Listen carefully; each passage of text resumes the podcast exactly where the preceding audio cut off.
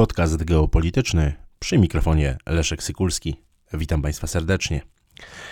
W środę 20 grudnia 2023 roku hiszpańska prezydencja w Radzie Unii Europejskiej poinformowała, że przedstawiciele państw członkowskich Unii Europejskiej, Parlamentu Europejskiego i Komisji Europejskiej e, osiągnęli porozumienie w sprawie głównych elementów politycznych, jak to nazwano, paktu w sprawie azylu i migracji.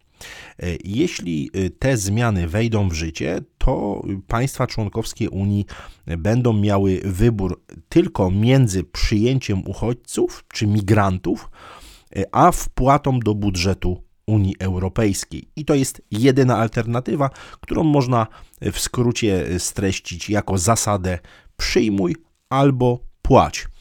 E, I tutaj warto przyjrzeć się e, temu paktowi migracyjnemu e, Unii Europejskiej, ponieważ on w sposób bardzo istotny ingeruje w suwerenność państw narodowych.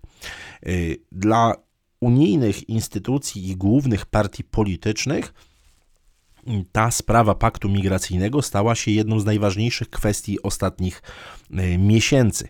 E, wielu polityków, czołowych polityków tych głównych partii politycznych w Unii Europejskiej nazwało to wręcz historyczną e, chwilą, ponieważ odtąd, jeżeli to wejdzie w życie, ten pakt migracyjny, Unia Europejska będzie miała wspólną politykę migracyjną i to niewątpliwie w sposób niezwykle istotny uszczupli kompetencje państw narodowych.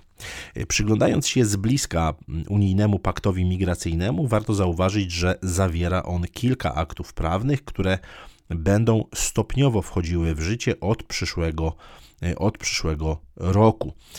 I tutaj warto chociażby przywołać słowa wiceprzewodniczącego Komisji Europejskiej Margaritisa Shinasa, który porównał nowy zestaw przepisów migracyjnych do takiego domu kilkupiętrowego. Parter, parter mają y, tworzyć granice zewnętrzne, gdzie ma być nowy, obowiązkowy tak zwany screening wszystkich przybywających do Unii Europejskiej na granicy i mają być wdrożone przyspieszone procedury. E, główna zmiana w tym zakresie ma polegać na tym, że na granicach powstaną wielkie tak zwane ośrodki recepcyjne, e, w których automatycznie będą przetrzymywani wszyscy e, imigranci pochodzący z krajów z tak zwanym niskim wskaźnikiem przyjętych wniosków azylowych. To są kraje, które Unia Europejska co do zasady uważa za bezpieczne, ale oczywiście mogą być indywidualne przypadki osób, y, których, y, których wydalenie wiązałoby się z zagrożeniem ich zdrowia czy życia, jak tutaj podkreśla, y, podkreśla Shinas. To ma zakończyć problem tak zwanych azylantów czekających na rozpatrzenie wniosku miesiącami. Miesiącami mm, azylantów, którzy no, funkcjonują w pewnej próżni, tak, próżni prawnej.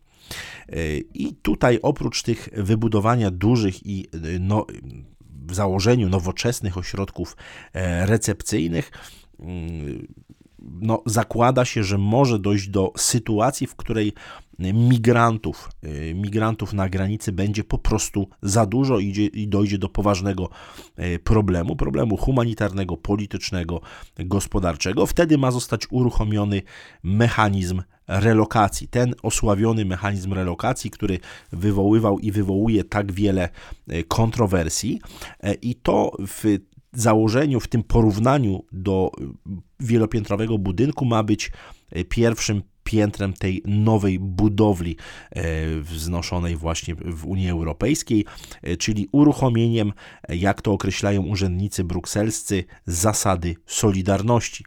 Przy czym ta solidarność ma być obowiązkowa, ma być po prostu obowiązkowa.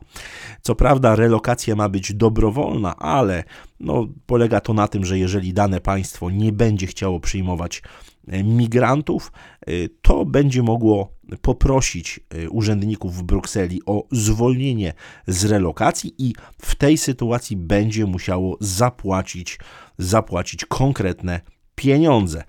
Zapłacić no, urzędnikom w Brukseli, którzy przekażą te pieniądze innym państwom za przyjęcie właśnie tych migrantów. Kwota to jest 20 tysięcy euro za każdą osobę za każdą osobę. I tutaj także mówi się o wysyłaniu sprzętu, specjalistów itd., tak itd., tak na, jeżeli chodzi o pomoc tym państwom, które zdecydują się na przyjmowanie migrantów. Patrząc dalej na to porównanie do domu, to dachem tej nowej budowli migracyjnej ma być specyficzna dyplomacja, dyplomacja migracyjna.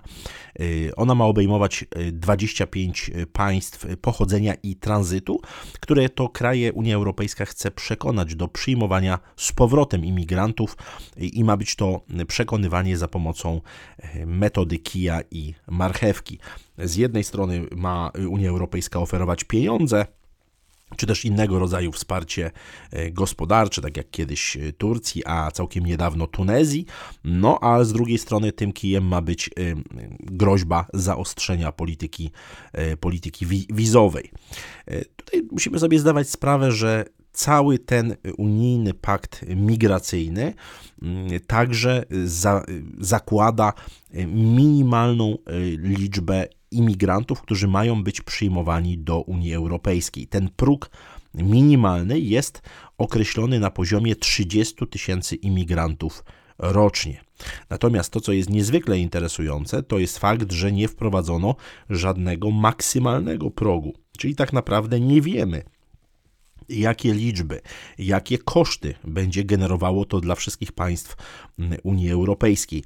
Nie wiemy, ile na przykład Polska będzie musiała wydać pieniędzy, aby wykupić się e, od tej groźby relokacji, od tej groźby przyjmowania e, przyjmowania imigrantów. No, jest to mm, absurdalna sytuacja. Co więcej, e, warto podkreślić, że decyzja na temat przyjęcia paktu migracyjnego y, nie została przyjęta przez y, państwa, y, państwa członkowskie, ale zostało to przyjęte na forum właśnie Rady Europejskiej, Parlamentu Unii, Unii Europejskiej i Komisji Europejskiej. Te trzy podmioty, Rada Unii Europejskiej, Parlament Europejski Komisja Europejska, właśnie zawarły umowę między sobą, porozumiały się po prostu w tej kwestii, a nie jest to decyzja suwerennych państw członkowskich Unii Europejskiej. To jest sytuacja, w której państwom suwerennym narzuca się tę zasadę przyjmuj albo E, albo płać, i to jest jedna z wielu tak naprawdę mm, bardzo istotnych nowych zasad narzucana państwom y, narodowym. Jest to niewątpliwie mm, wprowadzanie tylnymi drzwiami no, w Europy federalnej, konkretnego, e, systematycznego ograniczenia suwerenności państw narodowych. Dziękuję Państwu za uwagę.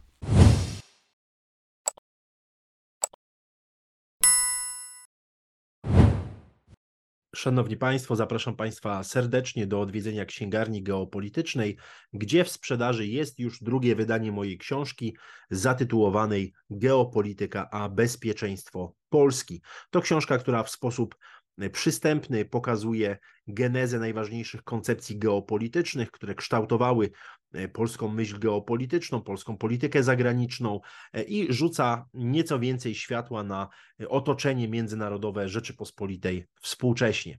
Zakupy w księgarni geopolitycznej to także forma wsparcia dla podcastu geopolitycznego. Zapraszam serdecznie na geopolityka.info.